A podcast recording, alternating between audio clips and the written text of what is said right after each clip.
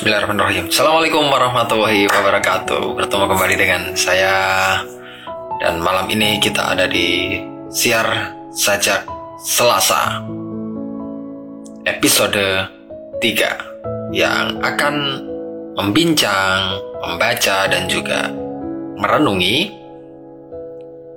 apa? Tentu saja podcast. Untuk episode malam ini kita akan ngobrol tentang podcast Salah satu yang menarik adalah kita akan menghadirkan podcaster keren dari Semarang yaitu Kak Kamiati. Kita undang langsung aja ya teman-teman ya. Selamat bergabung teman-teman Nurul Afifa dan lain-lain. Ya, Anda boleh saja datang dan singgah, bisa juga datang dan pergi. Tapi tentu saja uh, video ini akan direkam di IGTV di KW underscore. Halo, Kak Fiati. Ye, ini. Halo, Mas Eko. Sehat? Alhamdulillah sehat. Mas Eko sehat? Alhamdulillah sehat, meskipun agak sibuk ya. Nah, teman-teman sebenarnya live Instagram ini sudah kami rencanakan beberapa bulan yang lalu ya, benar ya?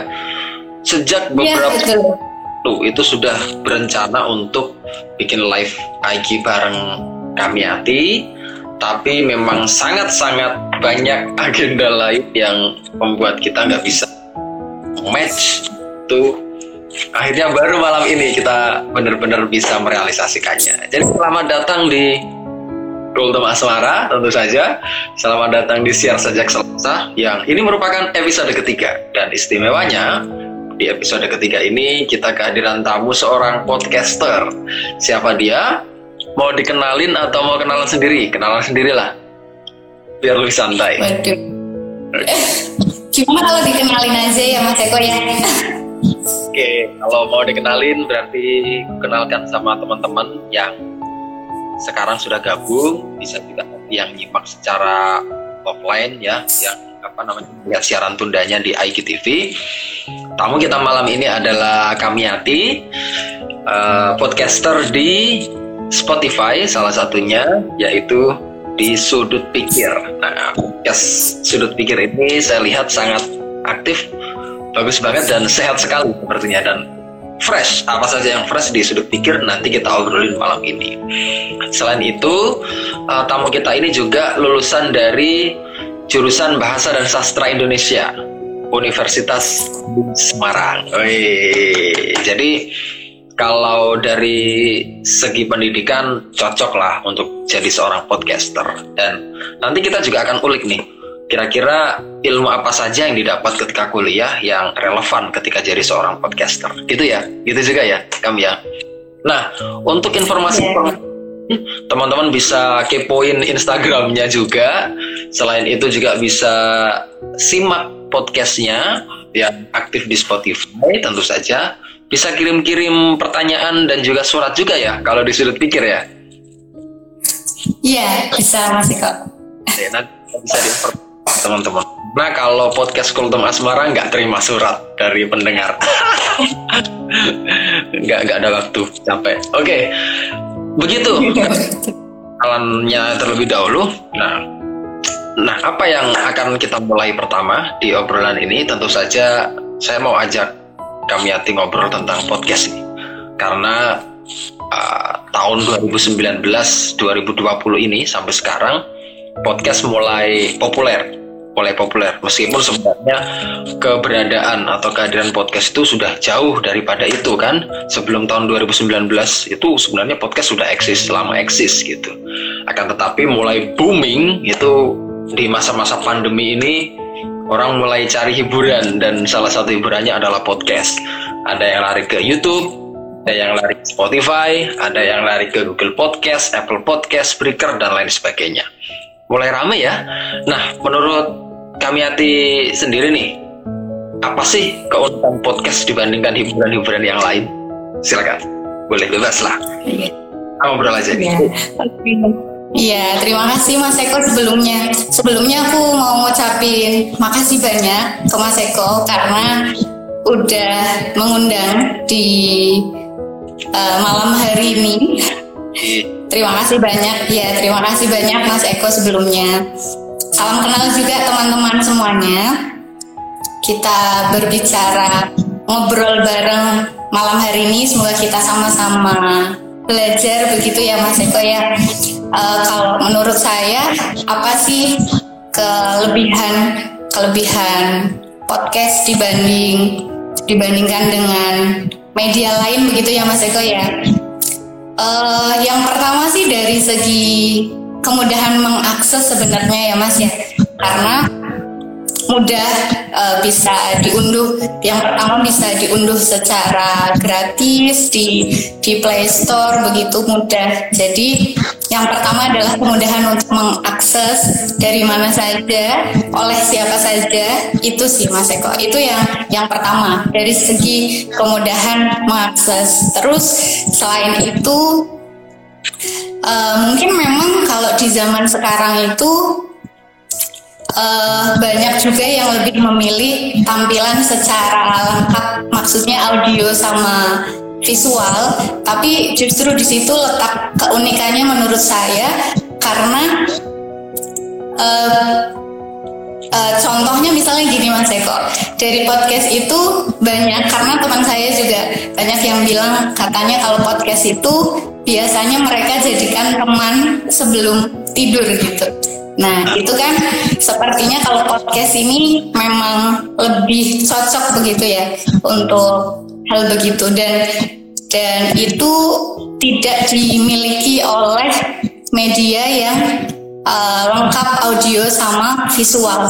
Gitu sih. Itu itu beberapa apa keunggulan menurut menurutku sih Mas Eko.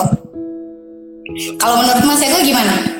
Setuju banget. Nah, sekarang karena kita itu sudah banyak ditekan dengan kehidupan-kehidupan yang sulit rasanya gitu ketika pandemi itu kan sebenarnya banyak tertekan ya.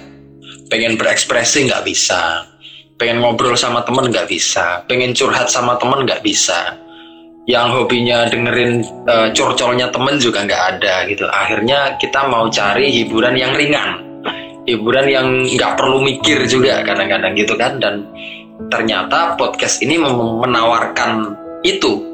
Menawarkan segala hal-hal yang remeh-temeh tapi ternyata membuat kita lebih tenang, lebih nyaman. Salah satunya benar, rata-rata pendengar podcast terutama yang di Spotify ya, itu adalah uh, sebagai teman tidur, sebagai teman tidur. Dan pengantar tidur.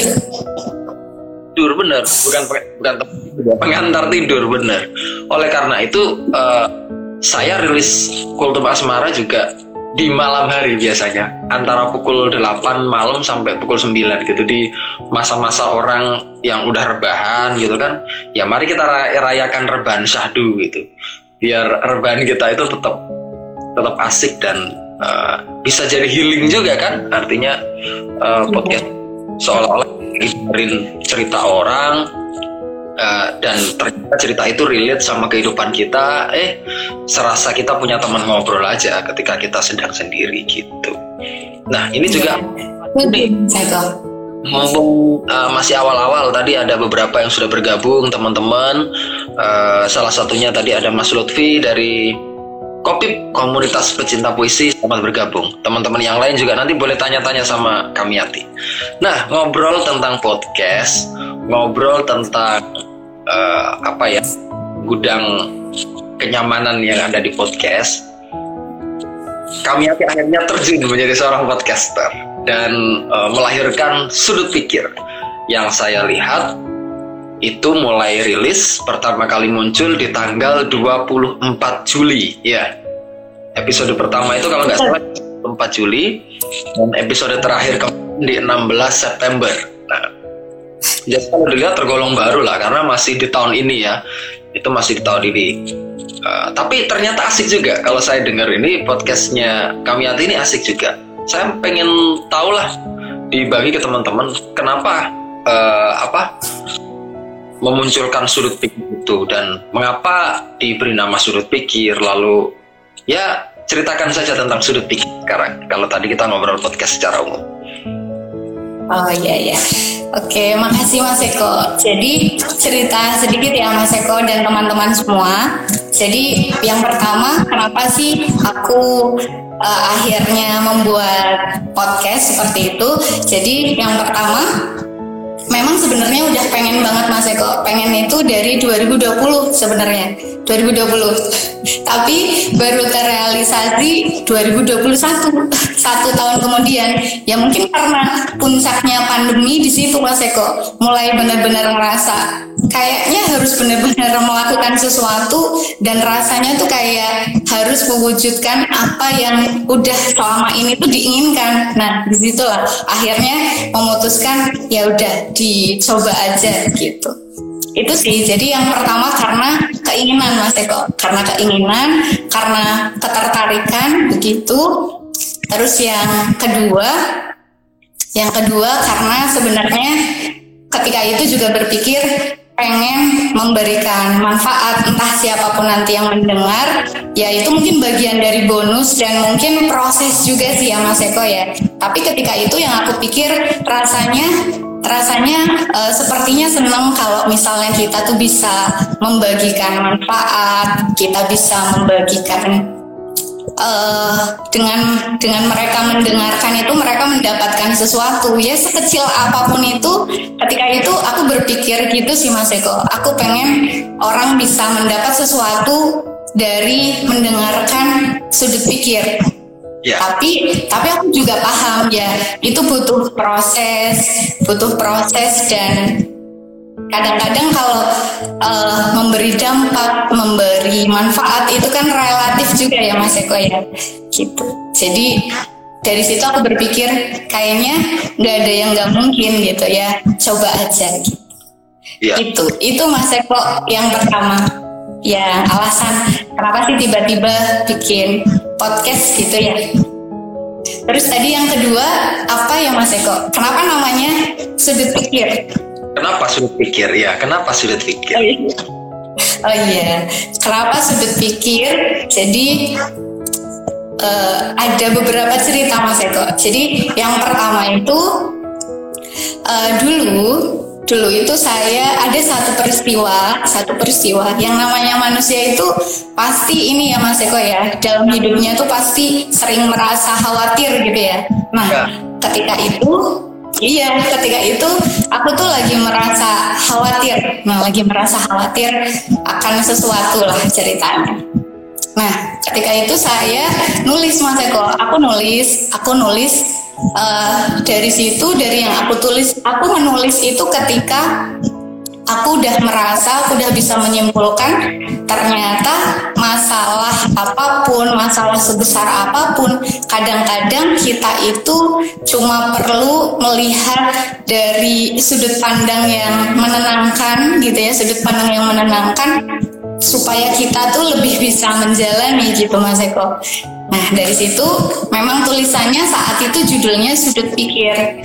Nah saat itu yang aku pikir juga uh, ternyata kita bisa menemukan sisi baik suatu hal itu uh, pasti bisa dari suatu hal dari apa pun dari siapa pun itu pasti kita bisa temukan sisi baiknya dari hal yang paling buruk sekalipun dari hal yang paling menyakiti sekalipun itu bisa cuma memang kayak beberapa hal itu perlu kita lihat dari uh, sudut perlu kita lihat dari sudut pikir yang berbeda gitu Mas Eko.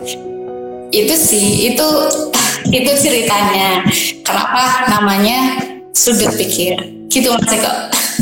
Memang asik ya kalau kita ngobrol sama podcaster itu enak aja gitu. Kalau kita ngobrol itu ngalir, apalagi podcasternya sudut pikir yang biasa ngasih kesempatan para pendengarnya untuk membagikan ceritanya. Wah, ini enak nih. Tapi yang menarik uh, dari kisah itu, saya punya satu pertanyaan. Kamiati ini kan lulusan jurusan Bahasa dan Sastra Indonesia. Uh, semua orang punya kan tadi ya, sesuatu yang membuat kita itu selalu bergejolak. Nah, yang akhirnya tadi sempat nulis-nulis gitu. Tapi kenapa yang lahir bukan buku, bukan dalam bentuk tulisan misalnya antologi, novel, cerpen atau apa gitu kan, memoir misalnya. Tapi kenapa muncul tiba-tiba podcast itu yang yang masih perlu kita cari tahu? Karena kalau kita lihat teman-teman yang lain pasti uh, apalagi teman-teman yang lahir dari dunia sastra munculnya pasti karya sastra karya sastra gitu tapi kenapa lebih memilih jalur podcaster daripada penyair atau novelis Iya. Wah, pertanyaannya ya. pertanyaannya di luar dugaan. jadi gini Mas. jadi gini Mas Eko. Uh, kenapa ketika itu kok yang lahir malah podcast podcast gitu ya?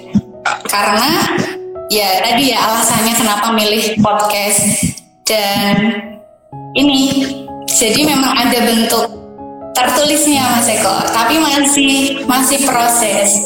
Ditunggu Mas Eko. Ini balikan Kultum Asmara karena podcast Kultum Asmara itu lahir setelah bukunya rilis, ya kan? Oh, setelah oh iya, paham. Baru kita kita podcastkan. Tapi kalau sudut pikir ternyata uh, lahirnya dari podcast nanti akan uh, rilis bukunya ini sepertinya. Oke, jadi kita tunggu ya. Mhm yang menarik juga uh, sudut pikir ini ada IG-nya juga, tapi nanti kita bahas di segmen berikutnya. Yang ingin saya tanyakan lagi adalah uh, apa sih yang membedakan sudut pikir dengan podcast-podcast yang lain? Kalau saya dengarkan, kalau saya renungkan, sudut pikir ini, mohon maaf, mirip-mirip podcast, contohnya rintik seduh gitu. Ngobrol curhat lah curcol curcol curcol lah gitu. Capek sih tapi harus kita jalani. Misalnya gitu kan nggak nggak sedang baca sih nggak sedang baca cerita ya baca cerita nggak sedang uh, drama itu enggak tapi lebih ke curcol. Ringan sekali. Oleh karena itu enak. Ternyata enak juga kita dengerin orang curcol itu. Tapi saya pengen saya pengen dengar juga apa yang membedakan dengan rintik seduh yang memang sudah eksis lama di Spotify misalnya. Sampai sekarang juga paling konsisten dengan uh, kontennya gitu. Oke, okay. Uh, ya. kalau ditanya apa yang membedakan, sebenarnya ini pertanyaan yang sulit juga ya Mas Eko ya.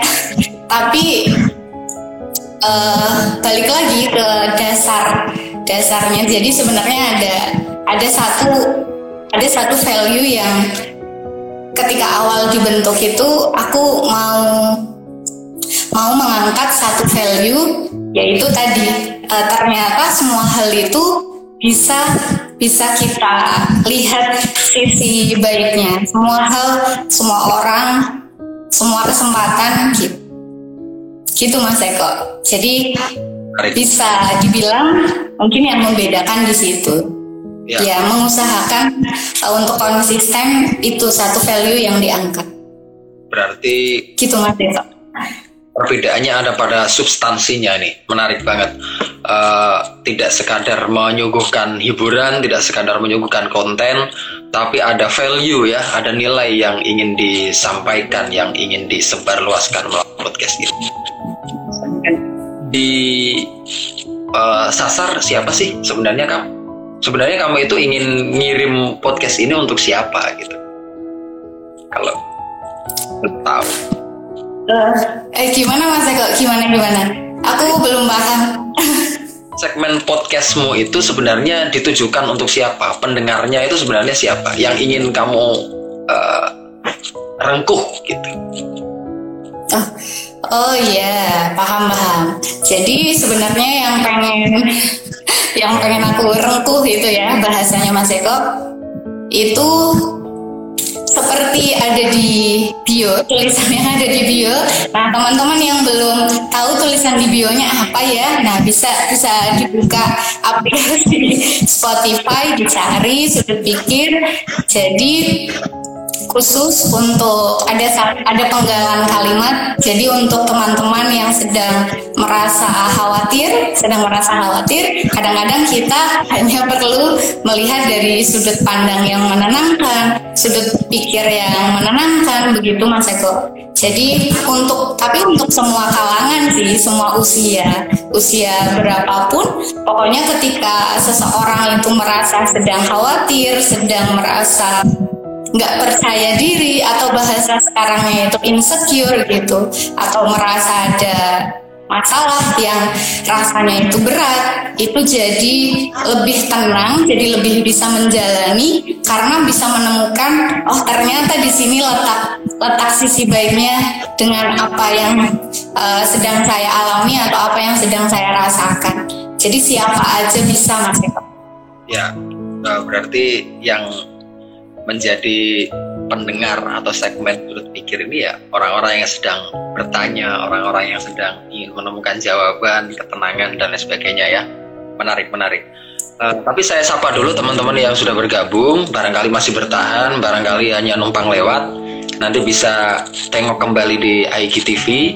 Jadi bisa mendengarkan sapaan ini. Selamat datang uh, Mas Mois, penyair dari Demak, kemudian Ibu Dini, tadi salah satu dosen di Universitas Muria Kudus ada Bang Adi, Bang Ahmad Mulyadi. Ini uh, Sekjen IMAPSI. Wah, mantap. Bergabung semua teman-teman ya. Nah, kembali lagi ke Kamiati. Menarik nih. Sempat tadi disinggung oleh Kamiati uh, kalau mau tahu segmen sudut pikir, baca bionya.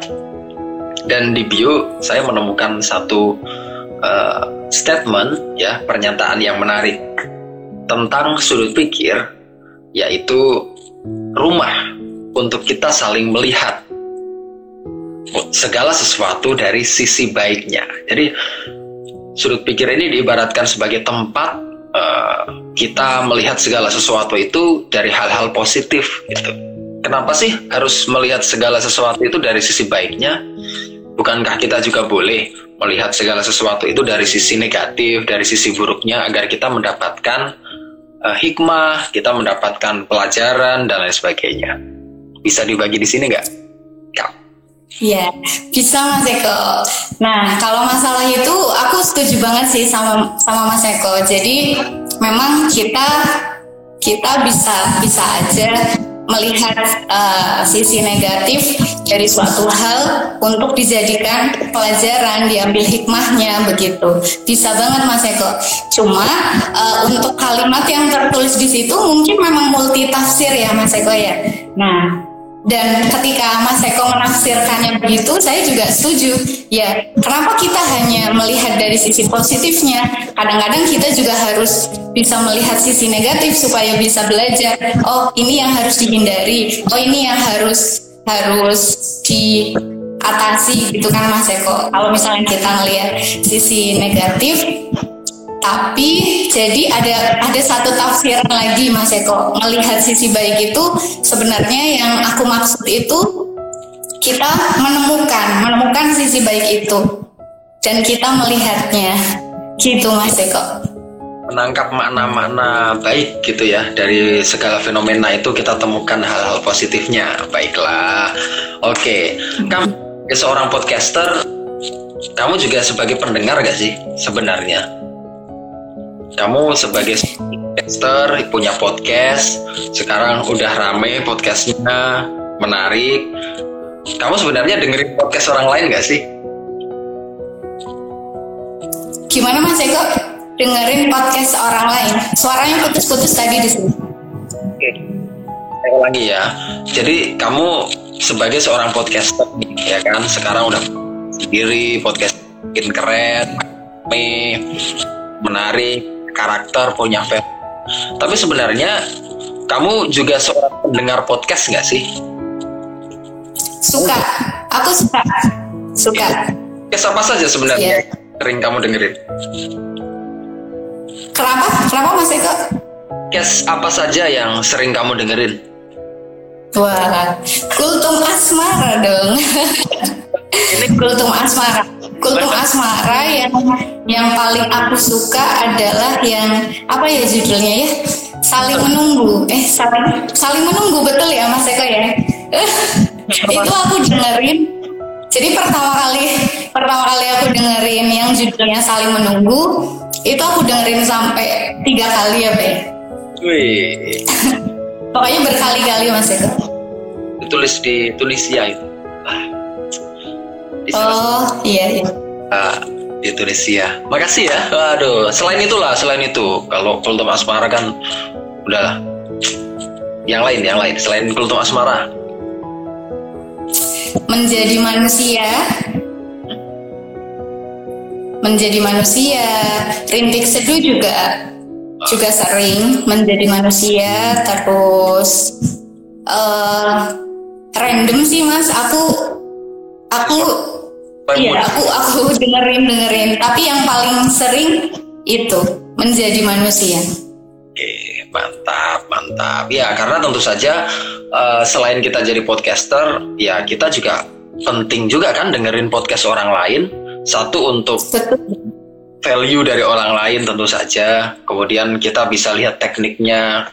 Dulu sebelum saya melahirkan podcast pun saya sempat riset, riset sederhana. Kira-kira apa sih yang dibutuhin seorang podcaster ketika uh, menyajikan podcastnya gitu. Dengerin podcastnya Wiranagara, kemudian Virsa Besari di uh, Spotify juga. Karena kan yang mirip-mirip tuh memang segmen saya ke sana segmen saya ke puisi. Jadi ya dengan mirip gitu. Nah ternyata itu penting juga. Lihat kualitas suaranya dan lain sebagainya itu sih. Kalau sudut pikir ini juga ada episode yang paling asik menurutku yang menurutku paling favorit di antara episode-episode yang lain. Yang pertama adalah jangan pernah angkat tangan. Itu aku suka banget itu jangan pernah angkat tangan. Kemudian obat paling hebat. Ini spesial sekali spesial. Enak katanya. Mantep lah. Kapan-kapan kirim kirim surat ke sudut pikir nggak biar dibacain Iya boleh, boleh banget, boleh banget Mas Eko. Menerima, sangat-sangat menerima. Teman-teman juga boleh loh. Teman-teman yang ada di sini juga boleh kalau mau uh, mengungkapkan sesuatu tapi nggak bisa, bisa lewat sudut pikir, iya nggak? Jadi biar dibantu, biar cepat sampai. biar dibantu, biar cepat sampai, mantap mantap. Nah, kalau uh, ngobrol di sudut pikir yang sudah sampai beberapa episode, kemudian sudah hampir perjalanan satu tahun ya, apa yang sudah merasa puas yang bikin merasa puas, yang udah bikin merasa puas di sudut pikir dan apa yang ingin masih ingin diperbaiki dan ditingkatkan di sudut pikir. Kamu.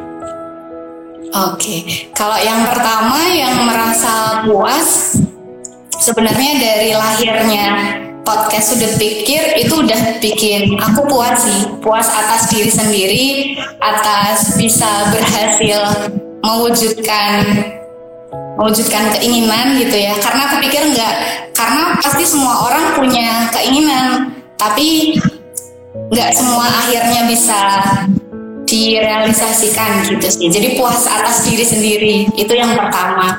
Tapi kalau ngomongin apa sih yang masih perlu diperbaiki aku rasa masih sangat-sangat banyak sih Mas Eko ya. Apalagi ini masih baru banget aku juga harus banyak belajar dari Mas Eko salah satunya.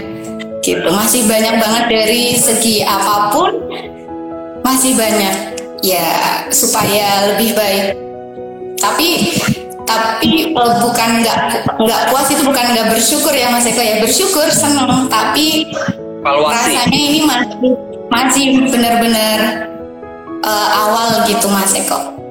Betul. Ya memang kita perlu evaluasi. Evaluasi itu bukan berarti kita tidak pernah merasa puas.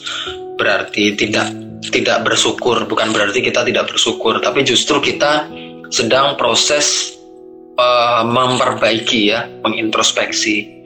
Setelah saya siaran biasanya juga saya dengarkan lagi. Kadang oh masih ada yang eh, nggak uh, pas, masih ada yang uh, secara audio kurang kurang menarik. Misalnya kurang pas gitu kurang match. Itu juga sering kayak gitu. Nah pasti kami hati merasa itulah pasti merasa itu.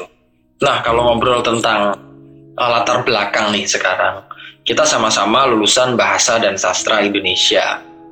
Sebenarnya podcast itu ada di uh, domain ilmu komunikasi ya kan? Kalau kita mau ngobrol uh, asal usul di dalam rentetan keilmuannya kan podcast ini di dunia broadcasting, dunia komunikasi, dunia kepenyiaran gitu. Tapi kalau menurut Kamiati, ada nggak sih uh, yang kita pelajari selama belajar selama kuliah yang relate, yang relevan ketika kita jadi seorang podcaster? Karena uh, dari obrolan ini bisa saja nanti kita uh, memberikan wawasan ke teman-teman, membuka pemikiran teman-teman juga yang sekarang masih belajar khususnya di jurusan bahasa dan sastra Indonesia. Oh, ternyata kita juga bisa jadi podcaster loh. Dan suatu saat itu bisa menghasilkan. Karena kalau kita ngomong tentang uh, monetize misalnya, di Anchor, Spotify itu uh, sekarang sudah mulai ada uh, arah ke monetisasi, ya kan? Meskipun di beberapa negara yang sudah menerapkan itu, tapi kalau di Indonesia masih menunggu kebijakan gitu. Boleh di-share di sini. Terutama memotivasi adik-adik.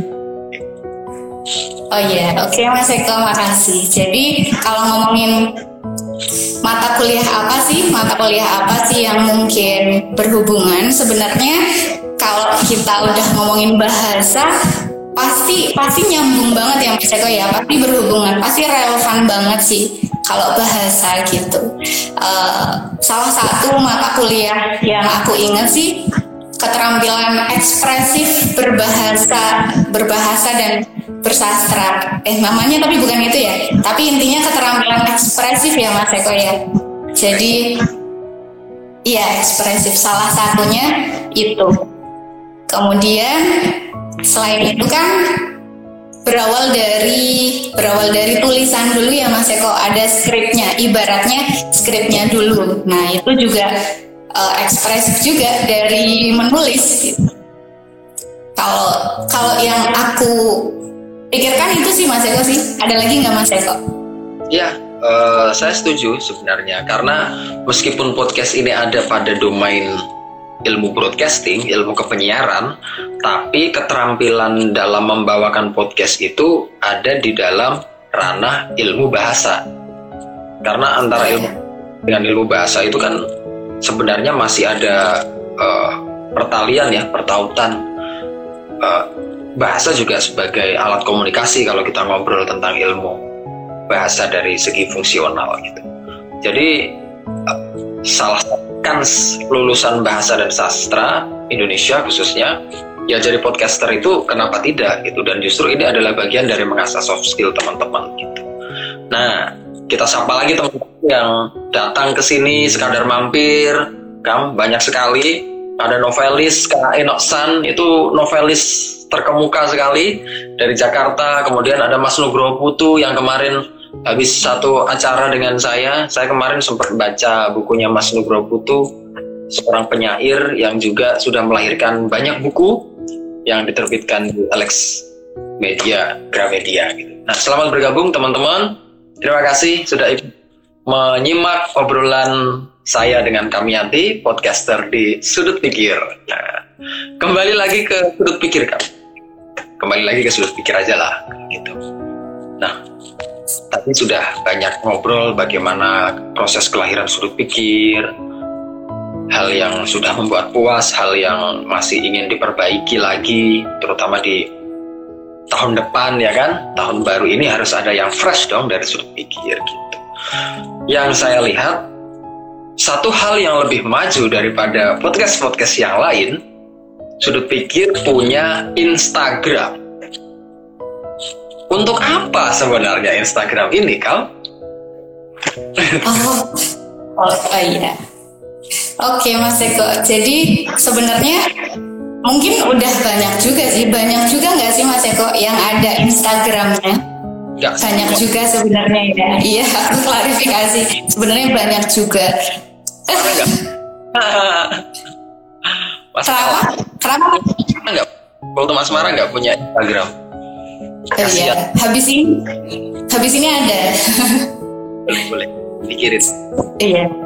Jadi kalau ditanya buat apa, uh, biar semakin semakin banyak me, bisa merengkuh gitu Mas Eko. Tadi bahasanya Mas Eko kan merengkuh ya. Nah, jadi saya pikir itu salah satu cara juga supaya yang tadi awalnya bermanfaat itu berawal dari cita-cita biar jadi ya semakin berjalannya proses bisa bisa gitu Mas Eko ya sedikit demi sedikit.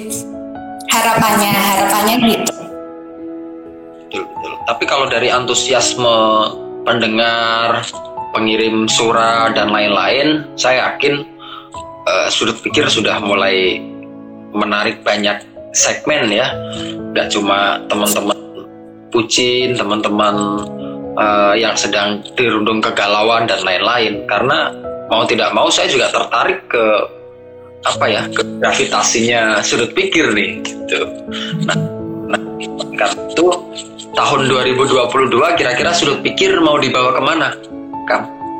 Ini kan sudah di akhir tahun 2022 sudut pikir mau dibawa ke mana? Sudah punya rencana belum? Oh, Oke, okay.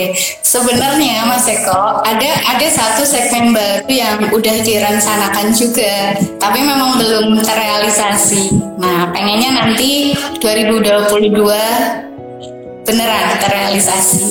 Okay. Gitu Mas Eko. Kan nih, mau dibagi di sini? Eh, uh, iya. Jadi aku ceritain aja deh ya. Spoiler.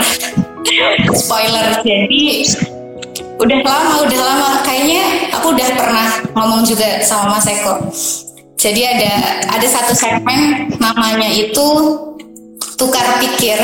Nah tukar pikir ini uh, ya jadi nanti ada ada tukar pikir. Ada tukar pikir antara antara beberapa orang. Ya dua orang gitu maksudnya. Berarti ada ada ada tamunya nanti Mas Eko Oke, berarti interaktif podcast dong. Ada ada dua orang atau lebih dalam satu rekaman itu. Bukan bukan solo uh, podcast.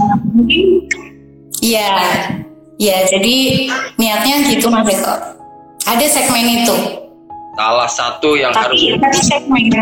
Iya, iya. Jadi bukan yang full full dua arah, enggak gitu sih. Iya. Untuk variasi. Gitu. Jadi nanti kalau memang itu sudah terrealisasi uh, di segmen tukar pikir salah satu bintang tamunya harus ngundang Kultum Asmara. Karena iya di sini okay. harus. Nah, iya. Karena 2022 ini saya pengen ada yang baru di Kultum Asmara. Kemarin sudah nah ini uh, ke Kultum Asmara dikit ya. Saya mau menimba ilmu. Saya mau dapat gitu iya Nah, salah satu segmen yang uh, kemarin sempat saya coba adalah saya bacakan puisi orang lain. Nah, satu untuk memberikan apresiasi, yang kedua untuk penyegaran di episode spesial. Artinya selama ini kan yang muncul di Kultum Asmara ya puisi-puisi saya sendiri, puisi-puisi di Kultum Asmara, puisi-puisi yang saya tulis. Kok rasanya saya yang baca aja kadang sudah mulai jenuh apalagi teman-teman nah saya takutnya kan nanti mulai ada stagnasi kan nggak nggak keren lagi kan nggak ada gejolak-gejolaknya gitu nah saya baca yeah. puisi orang lain tapi kalau kira-kira menurutmu ada nggak sih segmen yang bisa saya ambil selain itu gitu oh. Oke, okay, iya. Jadi, Mas Eko, sebenarnya aku kepikiran ini dari pertama kali dengerin podcast Kultum Asmara. Oke. Okay. Jadi, kalau yang aku tangkep ya dari dengerin kultum asmara tuh uh, penceritaan tentang asmara yang klasik, antik, unik gitu. Keren sih Mas Eko. Itu yang pertama. Terus pas pertama kali denger, aku tuh langsung kepikiran ini bisa kayaknya uh, akan tambah bagus kalau misalnya dibuat uh, biasanya kan hanya satu suara ya Mas Eko ya. Jadi mirip-mirip kayak drama radio, tapi itu melalui puisi. Jadi ada karakter yang laki-laki, ada karakter yang perempuan, gitu Mas Eko. Ketika itu yang aku pikirin itu sih. Itu akan gitu. akan lebih hidup ya kalau ada segmen itu ya. Iya betul. Satu ide yang sangat menarik nanti akan coba saya pikirkan. Cuma saya perlu yeah. jalan juga akhirnya ya untuk ngisi suara yang lain itu ya. Iya. Yeah. Oke, boleh boleh boleh boleh. Semoga tahun 2022 bisa terrealisasi. Rencana amin. Rencana kita. Wah, mantap mantap mantap. Oke. Oke, okay, karena tentu saja uh, kita sama-sama berharap uh, podcast kita bisa terus mengudara tentu saja saya sempat juga lama. Kan uh, tahun ini tuh saya sempat vakum lama karena satu hal ya. Mungkin kamu juga sempat dengar bahwa saya kehilangan salah satu uh, orang terkasih dan akhirnya saya sempat vakum lama di podcast.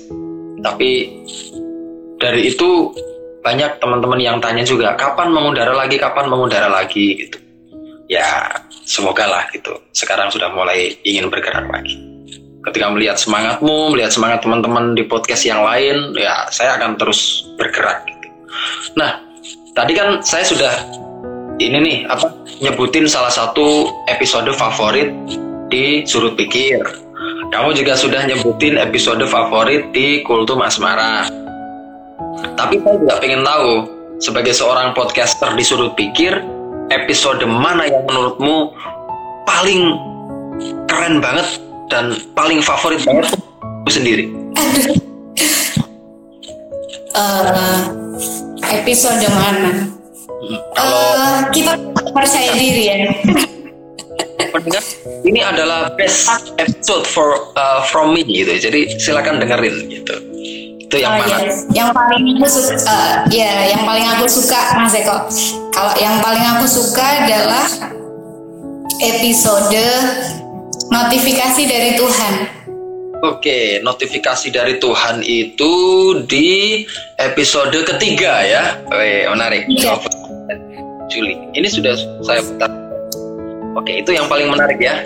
Kalau menurut menurut kami hati. Jadi nanti teman-teman yang nyimak di sini dan punya kesempatan untuk mampir ke sudut pikir bisa dimulai yang paling awal di selamat datang. Bisa juga kalau tergoda dengan notifikasi dari Tuhan.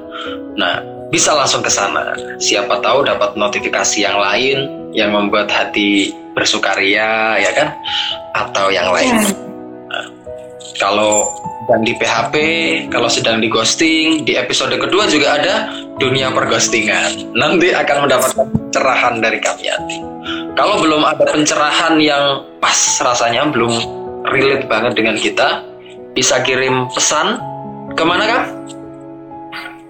Oke bisa kirim pesan ke ke email email surat kepada agak panjang namanya mas Eko.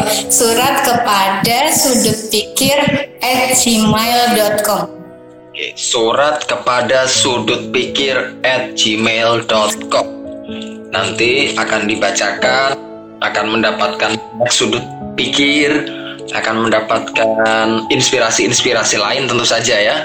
Dan siapa tahu di segmen berikutnya di tahun 2022 bisa jadi salah satu yang akan didatangkan di sudut pikir untuk segmen tukar pikir. Nah, itu yang menarik tuh. Dan saya ingin menunggu itu.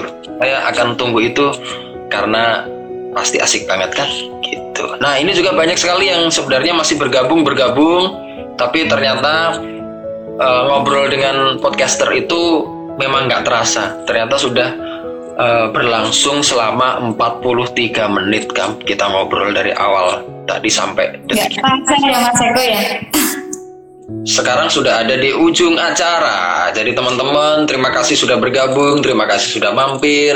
Kami hati juga terima kasih ada tamu istimewa juga tadi yang pesan mau diucapin selamat ulang tahun untuk Isna dari Kudus oh, yeah. yang hari ini ulang tahun. Isna. Isna. Berkah selalu, lalu kemudian mendapatkan banyak kemuliaan dari Tuhan yang Maha Kuasa. Pokoknya sukses terus ya. Dan pesan berikutnya adalah dengarkan sudut pikir dan kul asmara. dua itu yang yang paling utama ya. Yang lain boleh didengerin, tapi setelah mendengarkan dua podcast itu. Terakhir nih sebelum kita tutup mau menyampaikan apa ya closing statement yang asik atau inspirasi untuk teman-teman boleh, motivasi boleh, atau demo ngepodcast di sudut pikir juga boleh saya beri kesempatan untuk kami hati. Silakan. Makasih kesempatannya Mas Eko. Tapi sebelumnya boleh sebentarnya apa teman-teman dulu nggak Mas? Sebentar aja. Boleh, boleh. boleh. boleh. Boleh, oke. Sebentar ya. Ya sebenarnya untuk semuanya sih, terutama untuk semuanya. Terima kasih sudah mau mampir, sudah mau ada yang stay dari awal sampai akhir. Terus uh, terkhusus ini ada yang baru datang, Mbak Rinta. Halo Mbak Rinta.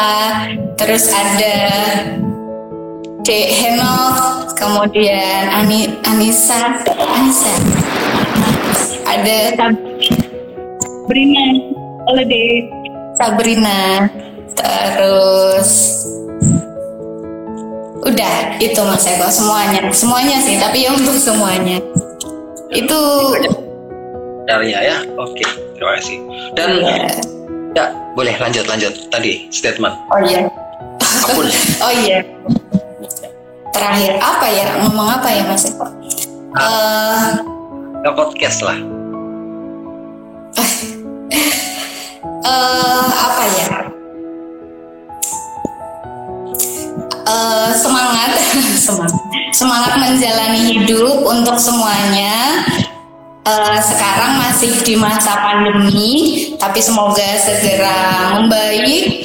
Tapi yang namanya hidup yang namanya hidup pasti kita berhadapan dengan hal-hal yang kurang menyenangkan atau kita pasti akrab sama masalah gitu. Nah, tapi nggak perlu merasa khawatir, nggak perlu uh, khawatir boleh sih, sedih juga boleh, boleh banget, boleh banget. Tapi ketika lagi merasa sedih, ketika lagi merasa khawatir, langsung mendengarkan podcast. Bisa jadi salah bisa jadi salah satu jalan yang ya untuk hiburan, podcast apa pun yang yang teman-teman sukai sih, yang teman-teman sukai. Mungkin setelah ini uh, sudut pikir dan kultum asmara akan jadi yang teman-teman sukai, ya itu doa saya. Amin. Ya, dan terakhir terima kasih untuk Mas Eko. Sama, terima kasih. Terima kasih sudah mengundang malam hari ini. Aku banyak belajar dari Mas Eko dan teman-teman semua di sini. Aku juga terima kasih banget uh, sama kami Anti udah meluangkan waktu betul-betul dan sangat bersabar karena berkali-kali saya itu ya reschedule reschedule mau siaran tiba-tiba sorenya udah oke oke oke malamnya nggak jadi gitu karena ya akhir tahun kita banyak sekali agenda yang nggak bisa ditinggalin. Sekali lagi mohon maaf ya Kam. Dan alhamdulillah kita bisa bersama-sama teman di malam hari ini. Saya mau izin juga video ini nanti akan saya masukkan di IGTV saya. Jadi teman-teman yang masih pengen nonton dan ketinggalan atau tadi sekadar mampir pengen review lagi pas punya wifi misalnya ada jaringan internet gratis bisa didengerin dan bisa disimak di IGTV. Oke, okay, Kam? Sukses selalu. Uh, berkah selalu juga untuk sudut pikir. Semoga selalu mengudara dan memberikan pencerahan untuk teman-teman semua, memberikan hiburan, memberikan uh, ketenangan dan menjadi teman yang baik untuk terus berpositif. Sekali lagi terima kasih Kam, sukses. Amin. Ya. Doa yang sama untuk Mas Eko dan Kultum Asmara. Pasti, terima kasih. Oke, saya tutup ya. ya. Oke, sampai jumpa. Iya. Oke, ini kamu udah ya. Oke, baiklah. Kalau belum meninggalkan nggak masalah. Sebelum ditutup, saya lupa tadi pengen menyampaikan ke teman-teman. Siar saja ke Selasa, tentu saja nggak akan hadir di setiap hari Selasa. Tapi insya Allah acara ini akan terus berlanjut ke episode-episode selanjutnya ngobrol apa saja tentang bahasa, sastra, budaya, dan kemanusiaan. Oleh karena itu, kalau teman-teman merasa bahwa acara atau kegiatan seperti ini, aktivitas seperti ini penting dan menarik untuk dilanjutkan, teman-teman boleh DM saya, teman-teman boleh menyampaikan uh, hal ini kepada saya melalui media apa pun, terutama ketika teman-teman punya usul Mas Eko bahas ini dong, Mas Eko ngobrol tentang puisi dong, Mas Eko ngobrol tentang novel dong, Mas Eko ngobrol tentang hmm, internasionalisasi bahasa dong, atau apa pun itu boleh teman-teman usulkan. Siapa tahu uh, kita bisa merealisasikan bersama, kita bisa berkolaborasi bersama untuk sama-sama belajar, untuk sama-sama upgrade diri kita. Gitu ya. Oke kam gitu ya kam dan teman-teman yang lain. Terima kasih terima kasih sudah bergabung di sini. Kita akhiri malam ini karena sudah lewat lima menit. Ya malam penting berkah. Selamat istirahat kami hati dan teman-teman. Sampai jumpa. Dan sampai bertemu kembali di episode keempat nanti di siar sajak selasa bersama Kultum Asmara. Kita akhiri. Assalamualaikum warahmatullahi wabarakatuh. Waalaikumsalam warahmatullahi wabarakatuh.